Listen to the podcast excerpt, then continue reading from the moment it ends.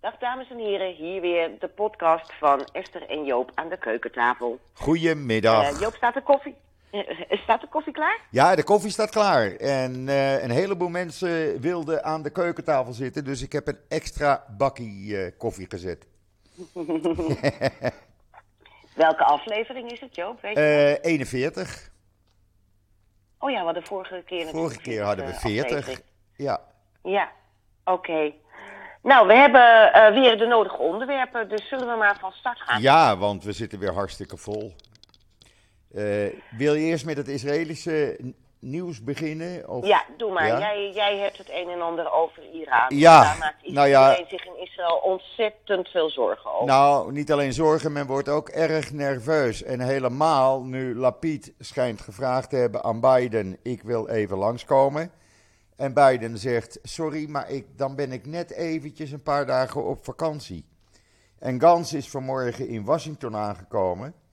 En nou blijkt zijn uh, defensiecollega opeens de stad, uh, uit, de stad uit te zijn. Allemaal een beetje raar. Allemaal een beetje raar. Wat men Biden verwijt, en dat interview wordt elke avond uitgezonden op Channel 12. Hij heeft een paar maanden geleden een interview gegeven aan Channel 12, exclusief. Waarin hij heel duidelijk zei dat als er aan zijn voorwaarden niet voldaan is, er geen Iran-deal komt. Want de veiligheid van Israël staat boven alles. En uh, ja, dat laat hij gewoon maar los. Uh, opeens kan het allemaal wel. En Iran kan dan 100 miljard dollar uh, kunnen ze krijgen.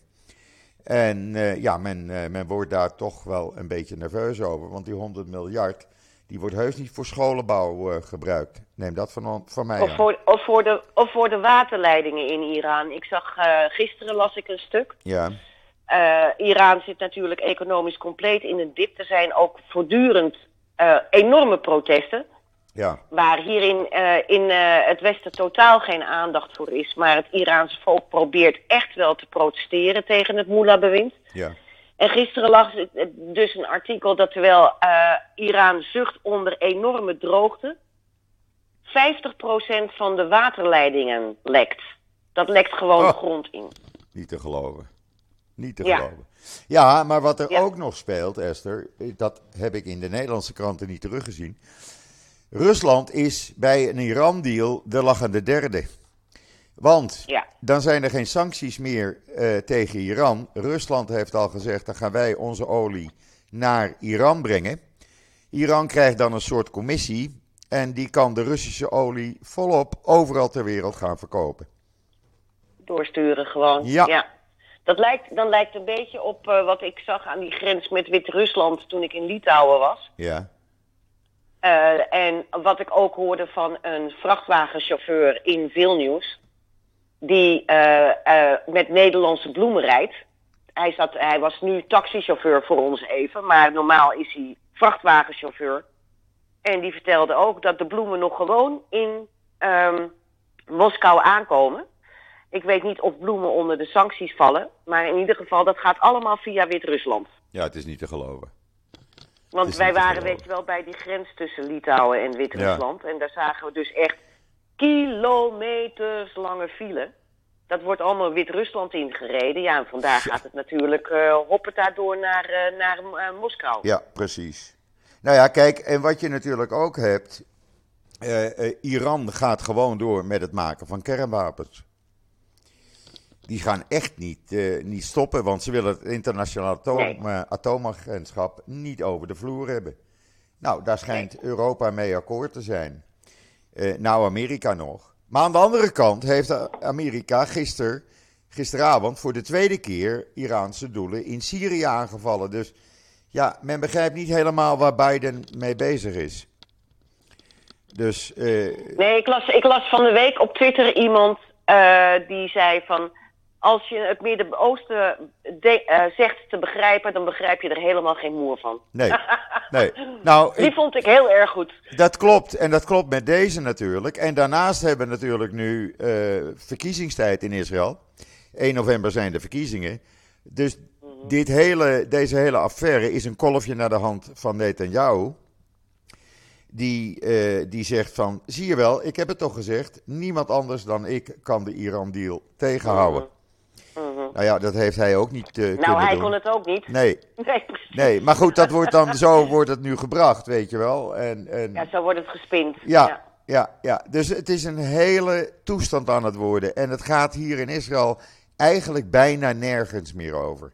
Ja, wat we er ook nog hebben. Gisteren werd er een visje uitgegooid. Hoe noem je dat? Een aasje uitgegooid. Door de minister, Ballonnetje ballonnetje eh, ja. opge- opgegooid. eh, door de minister Ja. van Transport. Misschien zouden we eens moeten onderzoeken of de light rail in Tel Aviv eh, ook op Shabbat zou kunnen rijden.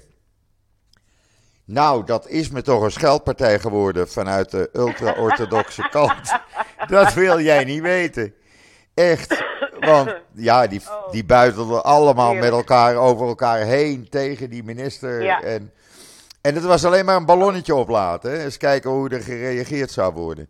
Nou, dat weet ze dus. Eh, dus we gaan het meemaken wat er gaat gebeuren. Oh, oh, oh, oh, Ja. oh. Ja, en voor de Dan heb, rest. je zoveel, dan, heb je, dan heb je zoveel aan je hoofd. Dan loopt er zoveel gevaar. En waar maak je je druk over of de light rail wel op Shabbat rijdt of niet? Ja. Als je er geen gebruik van wil maken, dan ga, stap je niet in. Nee, Ja, stap je niet in. Nee, precies. Ja. Ja. Ik bedoel, de Sjoerd rijdt ook in Tel Aviv. Tel Aviv, hè? Het is niet Jeruzalem, het is Tel Aviv. Ja, dat bedoel ik. Dat bedoel ik. De Sjoerd rijdt ook op, eh, op, op Shabbat.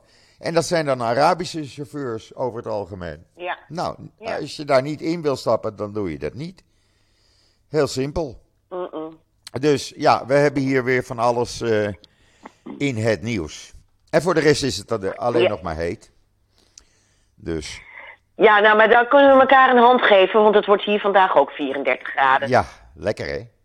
Lekker toch? Ja, ik heb er geen bezwaar tegen. En ik heb een, eh, mijn huis is echt fantastisch geïsoleerd. Ja. En eh, ik zit hier nu lekker in de woonkamer, inderdaad aan de keukentafel met je te, te kletsen. Heerlijk. En eh, het is hier 23 graden, dus me happy. Ja. Ja hoor, ik heb er geen moeite mee. We gaan Ik heb, nu... geen, eh, eh, ik heb geen airco nodig. Nee. Dus, eh, dat- Nou, ik dat- wel nog. Maar het is een ramp voor mensen die eh, eh, met een huis met een plat dak enzovoorts, die smelten totaal weg. Verschrikkelijk. Ja. Nee, ik moet hem s'morgens nog aan hebben. Smiddags steekt er een wind op. Uit zee. Dus die staat pal bij mij aan de voorkant. Dus dan gaat alles lekker open. Ja, Dat is wel lekker. lekker doorwaaien. Heerlijk. Heerlijk. Ja. Dus ja. Eh, en dan. Nou ja, er is... Ja. Oh, sorry, ga Nee, ga, ga, maar, ga maar door. Ga maar door. Ja, ik wilde naar het volgende onderwerp, dat natuurlijk ook met Israël te maken heeft. En waar achter de schermen toch wel heel grote frustraties over zijn. Wij hadden vorige week geen podcast. Eh, maar we moeten het echt even hebben over ehm 50 jaar na München, tweeda- of, eh, Ja. München 72. Ja.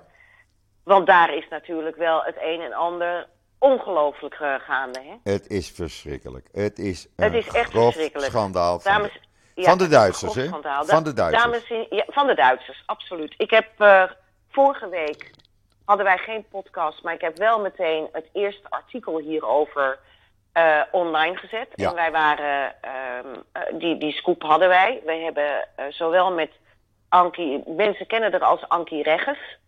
Eh, ze is nog steeds ook correspondent onder meer in België.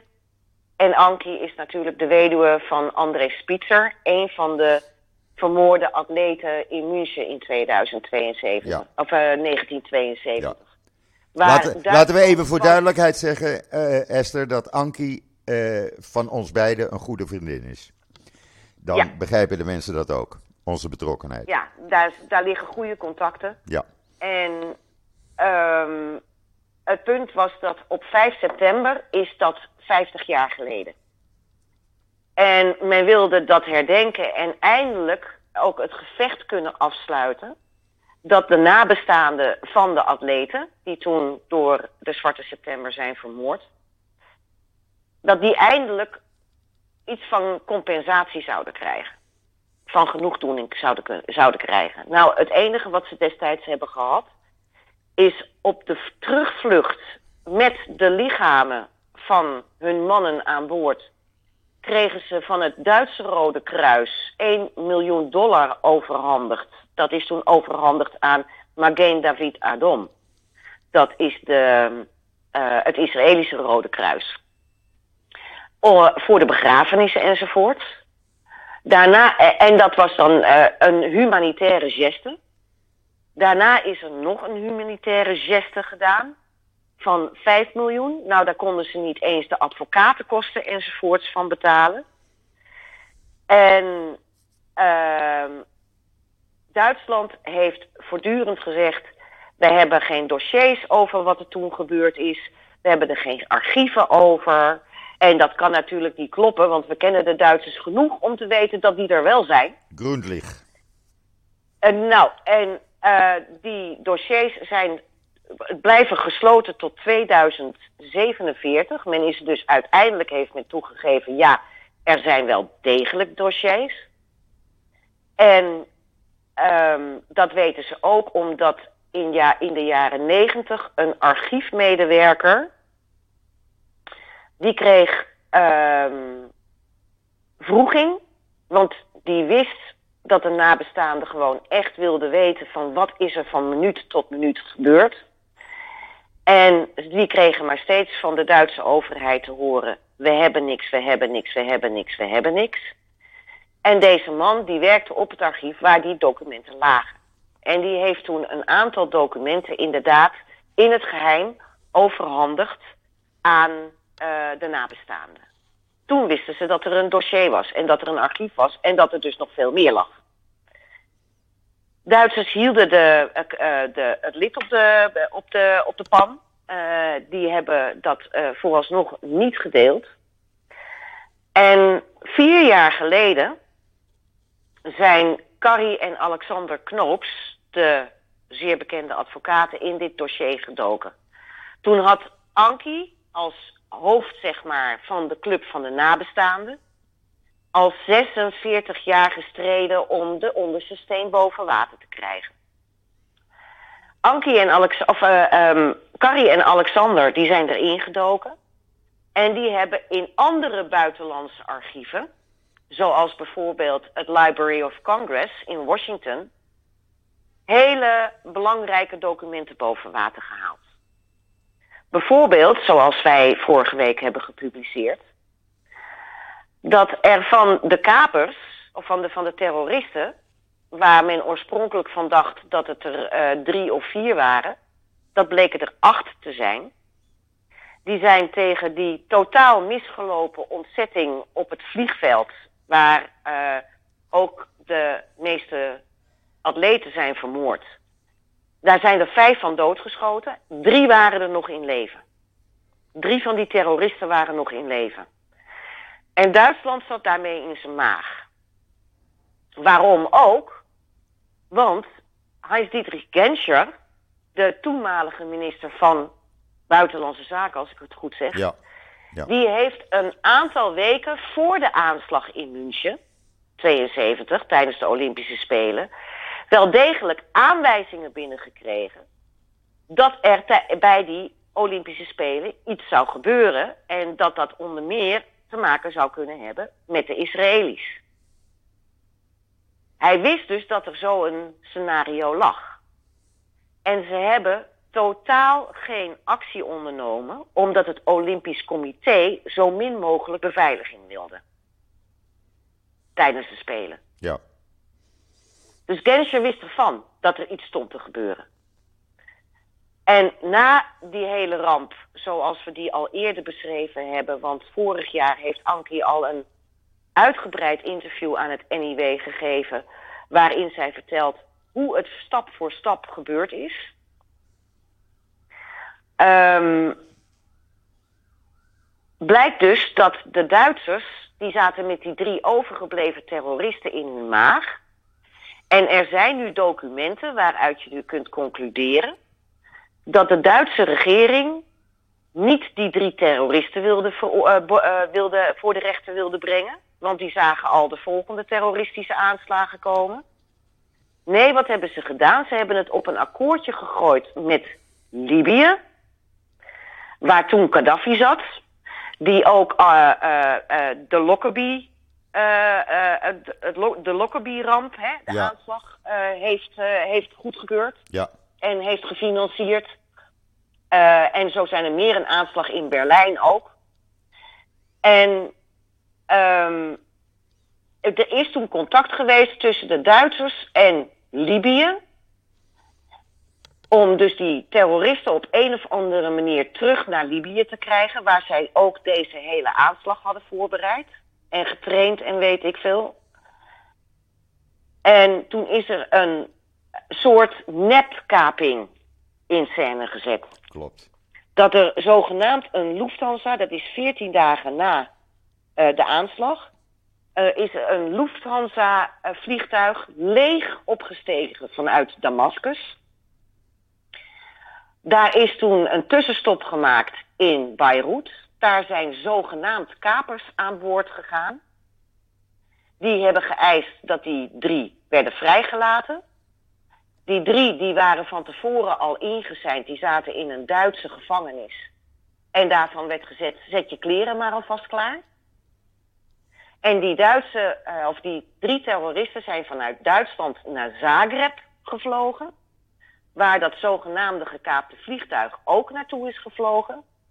En daar hebben ze de zogenaamde gijzelaars, wat geen gijzelaars waren, vrijgelaten. Die drie opgepikt en vervolgens is dat vliegtuig naar Tripoli gevlogen. Met geld. Met geld. Met eh 9 miljoen dollar.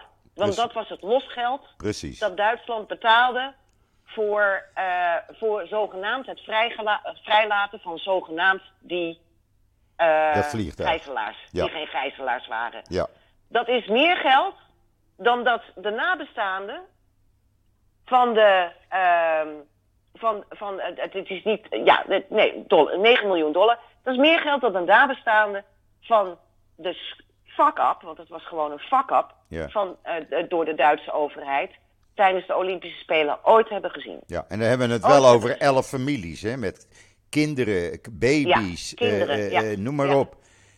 Kinderen die hun vader nooit hebben, hebben gezien. Hè? eh, Er zijn nu nog 24 rechtstreekse nabestaanden, zoals vrouwen, ouders en kinderen in leven. Ja. Van de oorspronkelijke groep van 34 directe nabestaanden. Ja, want de, de dochter van Anki was drie maanden, meen ik me eh, te herinneren. Ja. En die heeft, Ja. het enige wat ze nog heeft van haar vader is een poppetje wat hij ooit gekocht had Ja, voor poppetje. Dat, is- dat, ja, klopt. Meer dat niet. Poppetje. Het is verschrikkelijk. Dat vertelt, dat vertelt Ankie. U kunt het allemaal nalezen op, eh, op onze website. Ja, Vorige week braken wij dus dit nieuws. Dat, het, eh, dat dat dus allemaal gaande is. ja, Maar het, is- de druk zit erop, omdat dus op 5 september het volgens de normale kalender 50 jaar geleden is dat, eh, dat die aanslag heeft plaatsgevonden. En Duitsland wilde eh aan wiedergoedmachung doen. Dus eh, ja, eh, oké, eh, er waren drie eisen van de nabestaanden. Onder meer open dat archief.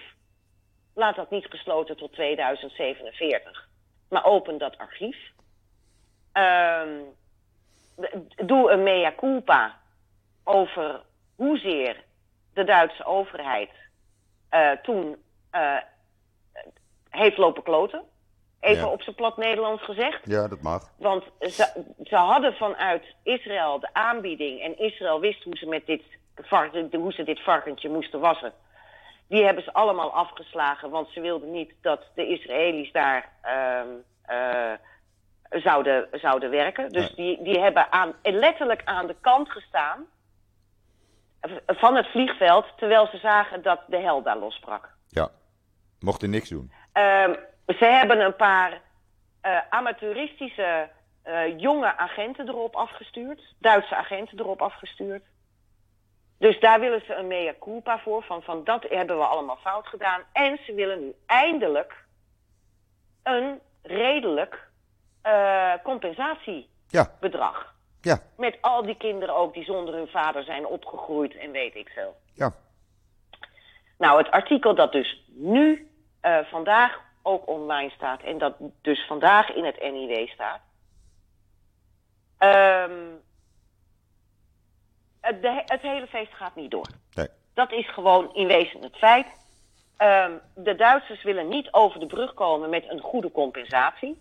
En het idiote is, eh, eh, Joop, het idiote is, er, de, Gaddafi's miljarden die hij weg had gezet in het eh, Westen, die zijn allemaal bevroren bij banken. Ja, Ook een Duitse bank. klopt. En destijds hebben de Lockerbie-slachtoffers vanuit zo'n Gaddafi-bankrekening eh 10 miljoen euro per nabestaande gekregen.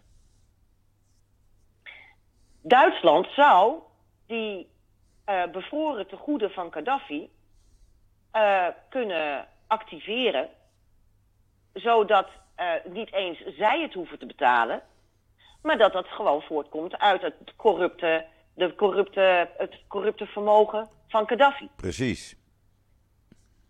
En dat zou nog, zou nog eerlijk zijn ook, want het. eh, dan, Precies, want het Gaddafi heeft daar aan de basis gestaan. Juist. Die heeft ze de mogelijkheid gehad, gegeven om te trainen. Ja. Die heeft ze de financiële middelen gegeven, Ja. enzovoorts. Ja, ja, Duitsland wil er niet aan. En eh, het werd langzaam duidelijk dat, eh, dat eh, Duitsland niet gewoon goed wilde compenseren. Ook niet via die Gaddafi-rekening. Of zeg maar, zelfs, zelfs via de rente van die rekening van Gaddafi zou je het al kunnen betalen. absoluut. En, ehm, eh, en dat doen ze dan niet zozeer vanwege het bedrag, maar Duitsland wil geen precedent sche- scheppen. Want dan zijn ze bang dat ze meerdere claims gaan krijgen. Nou, eh, Ankie heeft terecht toen gezegd: ja hoor. Nou, de kans dat er nog een keertje twaalf Israëlische atleten worden doodgeschoten op een Olympische Spelen in Duitsland is erg klein. Ja, dat lijkt mij ook. Ja. Ja, Kortom, er was een heel vliegtuig gehuurd eh, eh, door de Duitsers om de nabestaanden en het Israëlisch eh, Olympisch Comité en eh, eh, politici enzovoorts naar Duitsland te vliegen om daar op 5 september een grote herdenking te houden. Dat gaat niet door. Nee. De nabestaanden hebben gezegd: jullie kunnen ons de bout hachelen. Wij gaan niet mooie sier maken in Duitsland met, een, met een herdenking. Terwijl jullie niet eens eh, over de brug komen met, met een redelijke vergoeding. Na 50 jaar, hè? ja, Na 50 jaar Ja. moet je nagaan wat voor kosten er gemaakt zijn van advocaten en onderzoekers en weet ik veel. Dus het is echt, het is een totale eh, puinhoop. ja. En nu, eh, wie, wie heeft is opgestaan? Groot-Brittannië. Komt u maar hier naartoe met de herdenking. Dan zullen we in ieder geval hier op 5 september een mooie herdenking doen. En dat hebben ze ook al eerder gedaan in Londen. Hè? Dat was Ja, de eerste keer tijdens de Olympische Spelen in Londen. was de eerste keer dat er eindelijk iets van een normale herdenking, was. Herdenking. Ja, Nu, eh, en, en Bach, de voorzitter van het IOC, is ook heel erg begaan met deze zaak. Die doet echt goede stappen. ja, Maar het probleem, en wie ook heel goed werk doet, is Steinmeier. Dat is de president van Duitsland. Absoluut. Die probeert echt, eh, die probeerde echt wat te doen. Maar ja, het probleem is, Steinmeier is president. Dat is een symbolische functie zoals we hier ook koning Willem hebben. Dus die heeft politiek gezien niets in de melk te brokkelen. Nee. En de regering houdt het aan alle kanten tegen. Ik moet er even aan Dus toevoegen wordt- dat ook eh, de Israëlische president zich solitair heeft verklaard. Hè? Die Ja, want Herzog is, is in, tijdens die periode in Duitsland. Juist. Die spreekt de volgende dag in de Bundestag op Ja. 6 september. ja, Die was natuurlijk ook uitgenodigd om 5 september bij de herdenking te zijn. En ook Isaac Herzog heeft gezegd: zoek het maar uit, ik ben er niet bij. bekijk het maar. Precies. Dus Duitsland staat volledig in zijn hemd. En natuurlijk zeker als vervolgens de nazaten wel naar eh, de nabestaanden wel naar Londen gaan. Dus er zijn nu hele smeekmeders vanuit Duitsland richting Anki. Oh, alstublieft ga niet naar Londen, alstublieft ga niet naar Londen. En eh Anki heeft zoiets, ik zou niet weten waarom niet. Want we zijn vrij en blij om te staan, gaan en staan waar we willen. Ja, Want, want wij gaan daar niet mooie sier lopen maken. ehm, eh, om, om jullie geweten te sussen. nee. Ze zijn me. Ze En, zijn me eh, daarbij, Ja. daarbij komt ook, er is ook een hele foute rol voor, van mevrouw Knoplauch. Hè? Mevrouw Ook. Eh, dat vertelde Ankie dan. Hè. Dit is wel Ankies verhaal, moet ik, moet ik er echt bij zeggen. En Ilana Ja, Romanov, hè? Zij doen het samen. Ja, ze doen het samen, hè? Ja, Ja, met Dat Ilana. zijn het- twee vrouwen die echt eh, hiervoor strijden. Ilana Romano. Ja, en, eh, en, en, en Ankie. Maar ze hebben geen enkele medewerking gehad van eh, de Joodse gemeenschap in Duitsland. Dat valt mij ook Die mevrouw tegen. Knoplauch heeft zelf de voorzitter, de, toen was ze voorzitter, eh, tegenwoordig is ze vicevoorzitter van de World Jewish Congress. Die heeft toen gezegd, ach, in Israël eh, zijn ze het zelf ook al allemaal vergeten. Daar herinneren, het enige herinnering die ze in Israël aan T72 hebben, zijn de medailles van Mark Spitz, de Nou, zwemmer. Amahula. En die was Joods. En het slaat natuurlijk helemaal nergens. Nee, want hè? als je alleen al kijkt naar de herdenking die elk jaar hier plaatsvindt op de Joodse datum. Dat is En een heel grote dit jaar. Ja, dit jaar een hele 21 september, grote. Een heel grote. hele grote. Ja, dat is bij Ja. dat monument vlakbij het Igelov eh, ziekenhuis. Naast het. Igelov ziekenhuis is een heel groot monument Ja. in een park. Maar laten we wel zijn, Joop. Dit, dit, eh, sowieso, Ankie heeft al gezegd, dit muisje gaat nog een heel lange staart krijgen. Absoluut. Want ze laten het er beslist niet bij zitten. Nee. Hier in Nederland gaat ook van alles gebeuren. 4 en 5 september wordt hier in Nederland een documentaire eh, over de hele gang van zaken uitgezonden. Ja. Maar tot vier jaar geleden. Dus het hele weer ophalen en de juridische strijd en het feit wat eh, Carrie en Alexander Knoops allemaal boven water hebben gehaald, dat, verwer dat, dat verwerkt, het wordt allemaal niet verwerkt in die documentaire. Nee, maar er is Die wel een documentaire documentaire. houdt op bij vier jaar geleden. Ja. Maar er is een documentaire gemaakt door Twan Huis. Nee, dat bedoel ik. Dat is die documentaire, Joop. Die hij dit jaar Twan heeft Huis. gemaakt? Ja, Twan Huis stopt bij vier jaar geleden. Ah, oké. Oké. En dat wordt 4 me- en 5 september uitgezonden. Aha. Maar ja, er is natuurlijk in die vier jaar intussen ongelooflijk veel. Ongelooflijk. Ja. Ja. Dus, waar, dus de- de- ze zouden er eigenlijk nog een extra aflevering aan vast moeten plakken. Om over wat er nu gebeurt. Wat Ja. er nu gebeurt. Ja. En dat gebeurt niet. Nee. Dat, dat snap ik dus niet. Want Nee. ik heb de eindredacteur van dat programma. En van die documentaire. Die heb ik vorige week nog mijn artikel opgestuurd. Ja. En reageerde die? Ja, dankjewel. Oh. Punt. Ja, het leeft in Nederland, En denk er is ik een niet. voorvertoning. Er is op 1 september een voorvertoning. En daar ga ik ook heen. En Ankie zal er ook zijn. Maar ja, het is nu opnieuw actueel. Ze Ja. zouden, wat er nu gebeurt, dat zouden ze eh, op een of andere manier ergens moeten uitzenden. Ja. En eh, ik merk gewoon, eh, nou be- hebben we natuurlijk hier ook onze enorme toestanden. eh, hè, met stikstof en de boeren en asielbeleid. En nou, het hele land ligt hier in een puinhoop. Eh, dat er belangrijker dingen zijn. Maar ik denk toch dat dit wel een itempje waard is. Dat lijkt mij wel, ja. Dat denk ik. Al is het maar Ja. vijf minuten. Ja. Al is het maar vijf minuten. Nou is vandaag, hoorde ik vanmorgen van Ankie.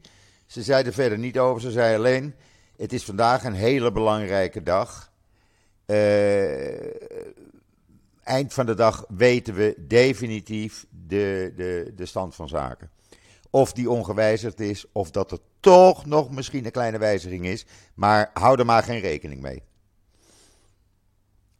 Nee, nou ja, we gaan het zien. We gaan het We gaan meemaken. het zien. Stein- Steinmeier, dus de president van Duitsland, wilde op het vliegtuig stappen. Om naar Ankie te eh, gaan.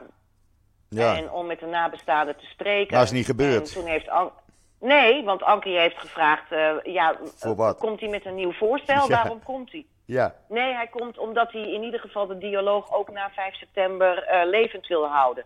Ja. Toen heeft Ankie geantwoord, nou dan kunt u net zo, net zo goed na 5 september komen. Ja, precies. Ja, ze staat haar mannetje. Ja, ze zit er, eh, ze zit er vol in. Ja, ja. Ja, ja. Maar ik snap niet dat Duitsland deze schande eh, zo laat hangen. Ik snap het echt niet. Nou, laat ik het zo zeggen. Duitsers blijven Duitsers. Mag ik het zo zeggen? Dat is mijn mening. Nee, dat moet je niet zeggen. Nee, moet Nee? Je, vind ik echt, moet je niet zeggen. Nee, ik nou, ben, dan denk ik eh, dat alleen heb- maar. Dan denk ik dat alleen maar. Ja, de, doe dat maar. Je gedachten zijn vrij. Maar uh, Ja, eh, nee, Duitsland heeft zich eh, de afgelopen jaren echt van hun beste kant laten zien. Alleen, in we deze zitten zaak hier niet. gewoon mee in, in deze zaak absoluut niet. Nee. nee. Nee. En ik snap niet, want Duitsland heeft een goed track record, ook ten opzichte van, van Israël. Ik snap niet dat ze dit zo laten hangen. Nee, want ze, eh, hierdoor wordt ook de, de betrekkingen tussen Duitsland en Israël worden ja, toch wel eh, vertroebeld, laat ik het zo zeggen. Nou ja, die komen onder druk te staan. Die staan onder druk. Ja, Alles wat er in de afgelopen jaren is opgebouwd, dat, ja, dat staat toch een beetje op losse schroeven. Want het leeft hier echt, hè? het is vol in het nieuws, elke dag weer hier. Het leeft hier ja. echt. nou ja, weet je, ik ben ook zo ongeveer de enige die hier in Nederland er iets mee doet. Ja, en ik zorg dat het Eh, weer eh, rondgetwitterd wordt. Dat Want het op social media trauma. staat. Ja, Ja, maar eh, het is frappant om te zien hoe stil ook de Nederlandse pers hierover is. ja. Viel mij ook al Want op. dit, dit, dit is al 50 jaar gaande. En eh, nou, het is tijd dat daar eh, een punt achter gezet kan worden Absoluut. voor alle partijen. Absoluut. Absoluut.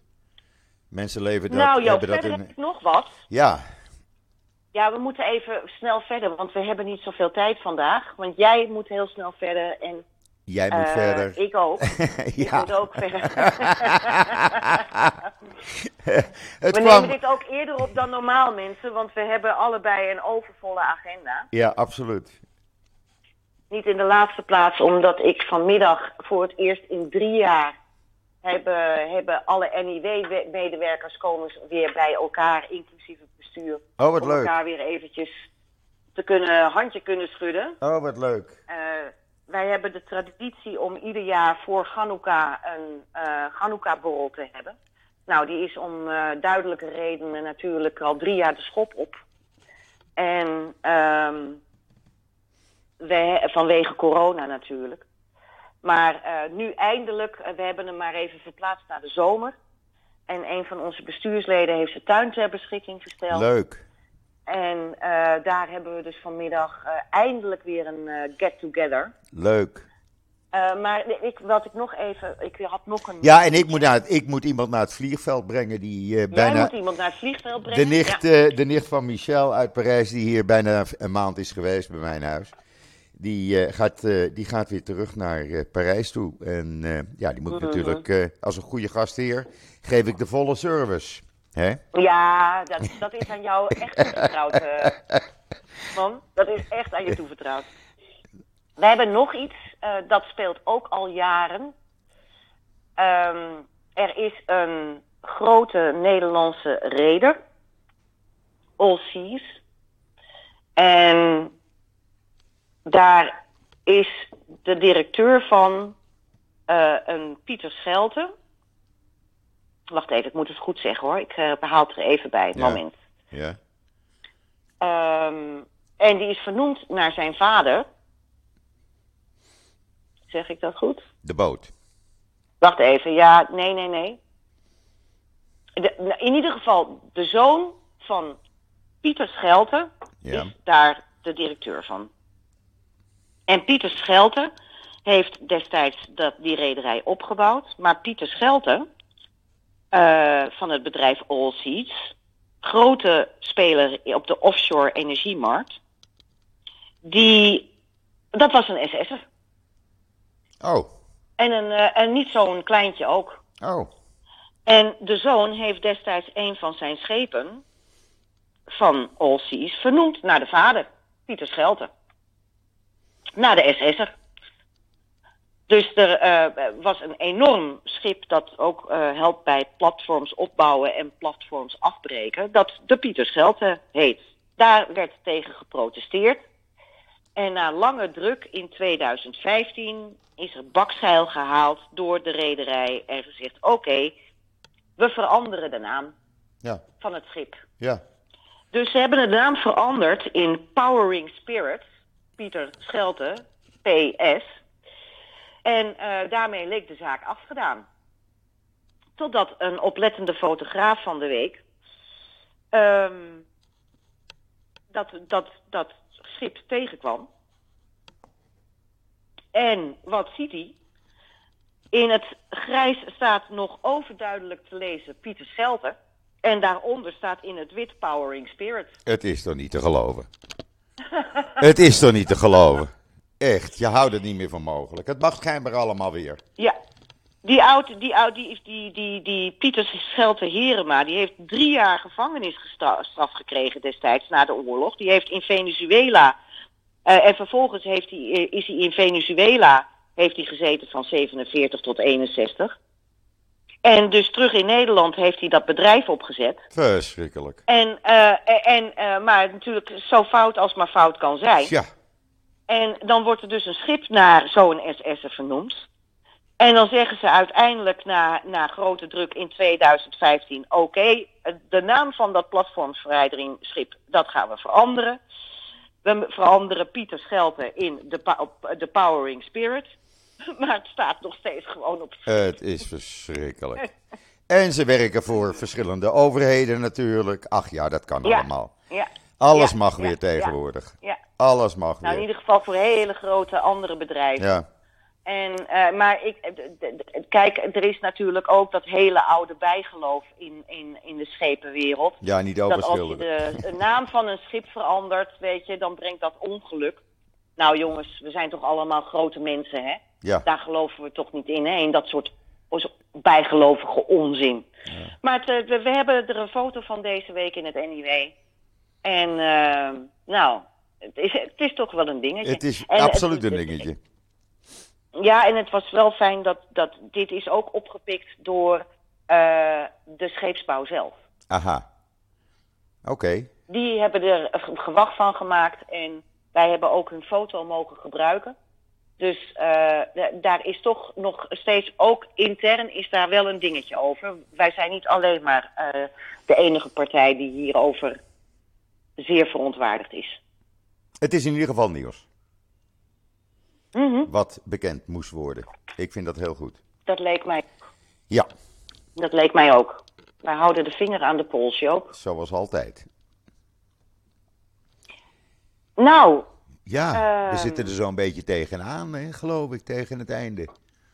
Ja, nou, Ja. ik heb nog één ander ding in deze week in het NIW en ik eh, ben heel benieuwd hoe erop gereageerd gaat worden. Ja, Bart van der Boom is historicus, geeft, eh, doseert geschiedenis aan de Universiteit van Leiden. ja, Was een van de grootste criticasters over eh, het dagboek van Anne Frank, de, of de, de verraden van Anne Frank moet ik Ja. zeggen. Dat boek, weet je wel, wat Ja, ja, getorpedeerd is tot totaal het Rijk der Fabelen. ja. En die heeft al in april een eh, boek gepubliceerd. Ja, we zijn laat, maar hier moest even heel goed naar gekeken worden voordat we er iets mee deden. En die tijd hadden we gewoon niet. Eh, over de Joodse Raad. Nou, Joodse Raad, daar gaat meteen bij alle Joodse Nederlanders gaan dan alle toeters en bellen af. Ja, meteen. Maar hij komt tot een aantal opvallende conclusies. En eh, ook is het, ik vond ook het eh, laatste hoofdstuk erg interessant. Omdat dat verhaalt over hoe na de oorlog eh, daarover de discussie is losgebarsten. Niet tijdens de oorlog, maar na de oorlog. En ehm, hij prikt ook een aantal mythes door. Mythes waarin ook zelf Joden, zoals bijvoorbeeld een Lodi van de Kamp, in gelooft. En eh, in geloven. En dat blijkt echt niet juist te zijn. Eh, dat is namelijk dat eh, de Joodse Raad zelf Joden zou hebben geselecteerd die op transport zouden gaan. Dat is een mythe, dat is historisch volstrekt onjuist. En dat vind ik toch wel even de moeite waard om te vermelden. Want zelfs Rob Oudkerk, die eh, een kleinzoon is van David Cohen, Ja, een van de twee voorzitters van de Joodse Raad, Ja, die, denkt, oh, die, die, die is ook in de veronderstelling dat dat zo was. mhm. En dat is gewoon niet zo. En dat, dat, dat bewijst hij ook in dit boek. Het is een zeer doorwrocht boek. Ongelooflijk veel noten en voetnoten en, en, en referenties. Het is, het is zeer goed bestudeerd. Dat En- kun je echt aan deze man En overlaten. het staat eh, beschreven in het NIW deze week. Deze week in het NIW. Ja, ik heb, eh, ik heb daar eh, vier dagen eh, heb ik, eh, het boek eh, gelezen. En de, die bevinding, vooral die bevinding, die vind ik erg belangrijk. Omdat die mythe ook nog steeds zo le- leeft in de Joodse gemeenschap. Mhm. Daar leg ik ook even de nadruk op. Heel Want dat is ook eh, door andere media ehm, een beetje ondergesneeuwd. Ja, In an- bij andere media een beetje ondergesneeuwd. En dat is toch iets, ja, dat is het historisch toch rechtzetten van, eh, van bepaalde zaken. Wat gewoon belangrijk is. Lees het dat, Wat, eh, en het dat NIW dan, zou ik zeggen. Hè? Precies, precies. Hij verdedigt overigens de Joodse Raad niet, hè? Hij verdedigt ze niet. Hij, wat hij doet is dat hij helemaal chronologisch eh, eh, reconstrueert hoe alles is gegaan. Ja, ja. Oké, we gaan het lezen. Ja, ik ben heel Ja. benieuwd naar de reacties. Ja. Oké, En of er reacties zijn. Ja. Precies. Want het is nog steeds een scheldwoord binnen de gemeenschap. Dat Je bent ik. net een lid van de Joodse Raad. Ja. En dat betekent eh, hoogverrader. Ja, Ja. precies. Ja. Oké. Eh, Nou Jo, ik denk dat we tegen het einde zitten, Esther. Een kleine 50 Vijf voor minuten. Ja, bijna 50 Ja. minuten. Dus eh, we gaan er wat moois van maken. goed man. Eh, ik wens Dan iedereen ik alvast. jou- eh, eh, ik wens iedereen alvast Shabbat Shalom. Jou in het bijzonder natuurlijk. En een mooi weekend. Mhm. Dat En, doe ik ook. we blijven de vinger aan de pols houden voor wat betreft Ja. München. We blijven daar aandacht aan Ja, besteden kijk, dat samen. zijn een paar hoofdartikelen, Ja. maar we hebben natuurlijk veel meer. staat veel meer in het NIW. Maar wij hadden echt zoiets van, moeten deze dingen er even uitlichten Ja, deze keer. heel Want belangrijk. ook dat München verhaal, voordat je dat uitlegt, en dat is, dit is nog maar een fractie van wat u in het NIW leest. Ja, Ehm, eh, dat moet toch eventjes uitgebreid besproken worden, vonden wij, hè Joop? precies. En dat ook hebben we gedaan. We, ook, omdat we, ook omdat we Ankie willen blijven ondersteunen. Absoluut. Die blijven we ondersteunen. Dat, dat blijf ik doen. En jij ook. Ja, Dus wij gaan daar gewoon mee door. ja. Daar gaan we mee door. Oké. Een heel goed weekend. Shabbat shalom, Joop. Shabbat shalom. Goeie reis naar Tel Aviv. Ja, nou, Ben Gurion Airport. Maar goed, eh, komt ook wel weer goed. Oké. Oké, ik spreek Eh, je oh, snel. en eh, ja. kijk uit voor overstekende stieren, hè? ja, nee, die lopen zo de kantoorgebouwen hierin. Heb je het gezien? Ja, het staat nog op mijn dat het in Twitterlijn. het NIW staan. Ja, want Ben Gurion, dames en heren, ligt in Lot. En in Lot hadden ze van de week eh, een losgebroken stier die zomaar een bankgebouw inrende. Ja. Dus eh, helemaal hilarisch. Alles gaat hier. Ja. Oké, ik zal ervoor opletten. Shabbat shalom. Shabbat shalom. Hai. Bye. Bye. Bye.